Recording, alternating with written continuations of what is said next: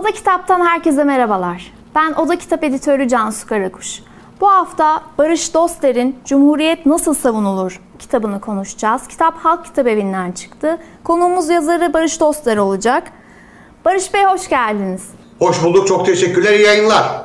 Sağ olun, teşekkür ederiz. Ee, kitabınızın adı Cumhuriyet Nasıl Savunulur? Kitabın adını neden bu isim koymayı tercih ettiniz ve neden böyle bir kitap yazma gereği duydunuz? Hemen sorunuzun ikinci kısmından başlayayım. Bu kitabı yazma sebebim Cumhuriyetimizin 100. yılına yaklaşırken yaşamakta olduğu bunalım. Yani ekonomiden eğitime, sağlıktan dış politikaya kadar bizim yaşadığımız sorunlar dönemsel olmaktan çıkıp artık maalesef ne yazık ki yapısal hale geldiği için sorunları günlük çözüm önerileriyle, pansuman tedbirlerle aşmak olanaksız. Bütün bunları uzun zamandır dillendiren, yazan, konuşan bir gazeteci kökenli sosyal bilim öğrencisi olarak bu konuya parmak basmak istedim. Ha kitabın adına, adına gelince Cumhuriyet nasıl savunulur? Ada gelince o da şuradan kaynaklandı. Yani Cumhuriyeti sadece tek bir boyutta savunamayız. Sadece laiklik üzerinden ya da sadece ekonomi üzerinden ya da sadece eğitim politikaları üzerinden değil de bütün bunları içeren, bütün bunları kapsayan ve cumhuriyetçi bir refleksle, cumhuriyetçi bir ideolojiyle bütüncül kalkınma politikaları önererek savunabileceğimize inandığımdan dolayı kitabın adını da Cumhuriyet Nasıl Savunulur şeklinde koydum. Kitabınızda geçen bölümlerden birisi tarihten nasıl ders çıkarılır?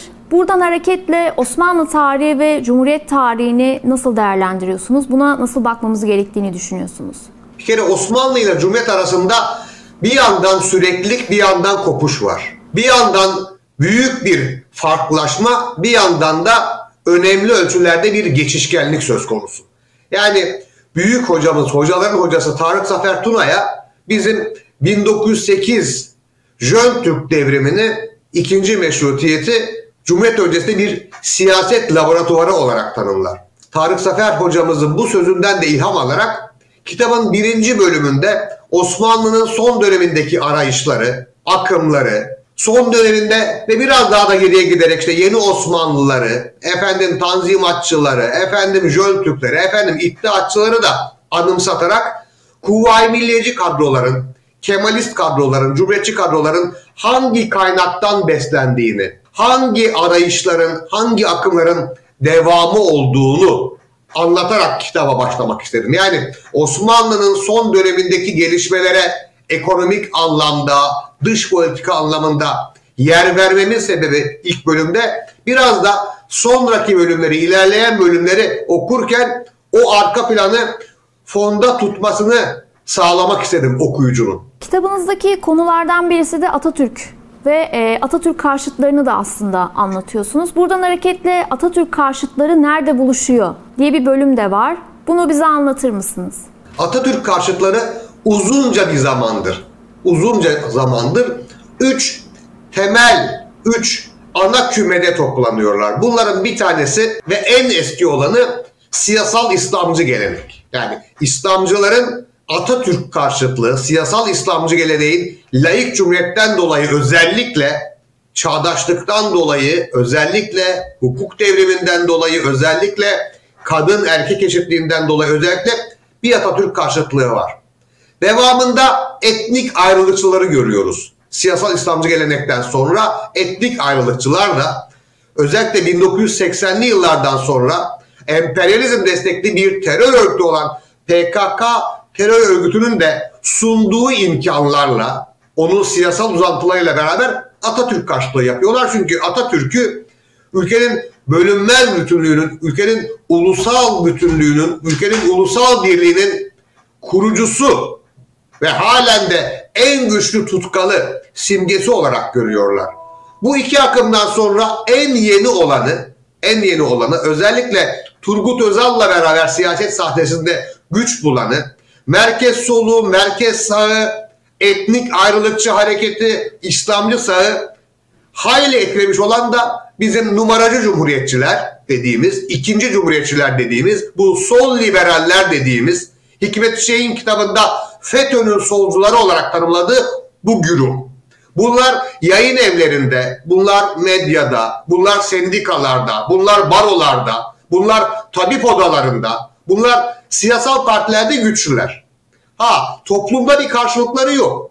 Öyle çok aman aman kalabalık bir kitleden bahsedemeyiz. Ama sinir merkezlerinde etkili olduklarından dolayı sayıca çok çok çok az oldukları halde siyaseten güçlüler. Yani temelde bu üç akım üzerinden numaracı cumhuriyetçiler, etnik ayrılıkçılar ve siyasal İslamcı gelenek üzerinden Atatürk karşıtlarını anlatmaya, tatbik etmeye çalıştım. Teşekkür ederim. Ekonomiyi de sormak istiyorum. Kitabınızda geçen konulardan birisi de ekonomi. Bunu nasıl değerlendiriyorsunuz? Nasıl anlatıyorsunuz? Türkiye uzun yıllardır 24 Ocak 1980 kararlarından bu yana her ne kadar farklı iktidarlar, farklı hükümetler, farklı koalisyonlar tarafından yönetilse de aslında tek bir ekonomi programıyla yönetiliyor. O da IMF'nin, Dünya Bankası'nın özelleştirmeci programı. Türkiye ihracata değil ithalata dayalı, üretime değil tüketime dayalı modeli de zaten ta o dönemden beri benimsemiş durumda. Ki 24 Ocak 1980 ekonomik kararları uygulansın diye Türkiye 12 Eylül darbesini yaşamış bir ülke. O kararlar ancak çünkü dipçik gölgesinde silah zoruyla uygulanabilirdi. O kararların mimarı olan Turgut Özal'ı hemen darbenin sonrasında hem siyasette görüyoruz, hükümette, bakanlar kurulunda, kabinede görüyoruz. Hem de sonraki yıllarda birkaç sene sonra kuracağı partinin genel başkanı olarak başbakanlık koltuğunda görüyoruz. Sonra da cumhurbaşkanı olacaktır. Ama Turgut Özal'ın etkilediği ve Turgut Özal'ı etkileyen onca siyasetçi, merkez sağ kökenli, merkez sol kökenli, milliyetçi gelenekten, siyasal İslamcı, muhafazakar gelenekten bütün bunlar Özal'ın talebeleri hep o Özalcı programı uyguladılar. Merkez sol partiler geldi, koalisyon ortağı oldular, program aynı. Son 20 yıldır izlenen program aynı. Kemal Derviş programını kim takip etti? Ali Babacan takip etti ki biri CHP'liydi, biri AKP'liydi. Ardından sonra kendi partisini kurdu Deva Partisi'ne. Ama özünde bütün bir program emeği, emeğin kazanımlarını, emeğin katma değerini, emeğin milli gelirdeki ağırlığını küçültmeyi amaçlayan, özünde bu program sosyal devleti tasfiye etmeyi amaçlayan, özünde bu program tarımı, çiftçiyi, köylüyü, küçük orta boy işletmeciyi tasfiye etmeyi amaçlayan bir program. Bu programda halkçılık yok. Bu programda kamuculuk yok. Bu programda devletçilik yok. Bu programda toplumculuk yok. Bu programda planlama yok. İşte en son AKP Devlet Planlama Teşkilatı'nın adını dahi ortadan kaldırdı. Artık planlama teşkilatı yok Türkiye'nin. Peki bu neyi doğurdu? İşte görüyoruz. Özelleştirmeler. Yanına alınan dış borçlar. Yanına vergi gelirleri. Üretime döndü mü? Hayır. İhracata döndü mü? Hayır.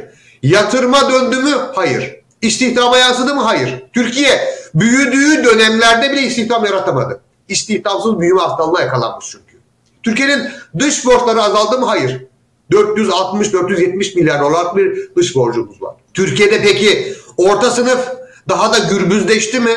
Hayır. Hane halkı borçluluğu tavan yaptı. Dolayısıyla ben kitabın ekonomiyle alakalı bölümlerinde yeniden planlama, yeniden kamuculuk, yeniden halkçılık, yeniden sosyal devlet ilkelerini anımsatmaya çalıştım. Teşekkür ederim. Benim sorularım burada sona eriyor. Son olarak eklemek istedikleriniz varsa bunları alabilirim. Ben çok teşekkür ederim hassasiyetinizden dolayı. Size iyi günler, iyi yayınlar, başarılar diliyorum. Teşekkür ederim. Sağ olun.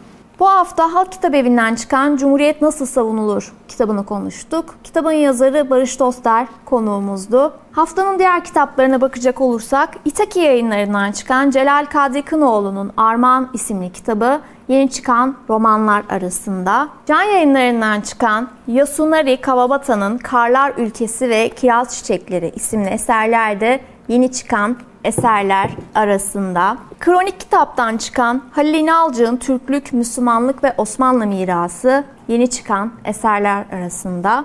Remzi Kitap Evi'nden çıkan Hayatını Seçen Kadın, Hocaların Hocası Nermin Abadan Unat, Sedef Kabaş'ın söyleşisi olarak yayınlandı. Bu hafta bahsetmek istediğim çocuk kitabı ise Mundi kitaptan çıkan 80 günde devre alem Jules Verne'in dünya klasikleri arasında yer alan kitabı bu hafta size bahsetmek istediğim kitaplar arasında.